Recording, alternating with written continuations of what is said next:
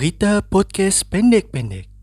Ketua Lembaga Tes Masuk Perguruan Tinggi Muhammad Nasi menyampaikan bahwa siswa yang diterima dalam SNMPTN 2021 sebanyak 110.459 dari 854.599 peserta yang mendaftar dengan daya tampung sebanyak 113.203 kursi.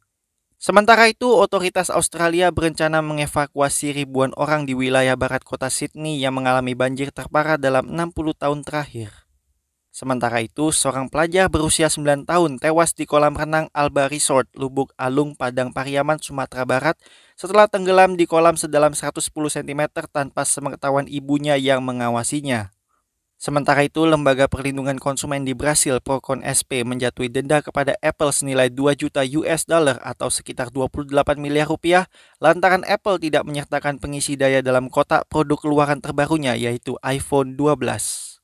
Sementara itu diduga akibat korsleting listrik toko keramik The Bali House yang terletak di Jalan Mahendra Data Selatan nomor 9A Denpasar mengalami kebakaran hingga mengakibatkan kerugian yang diperkirakan mencapai 4 miliar rupiah.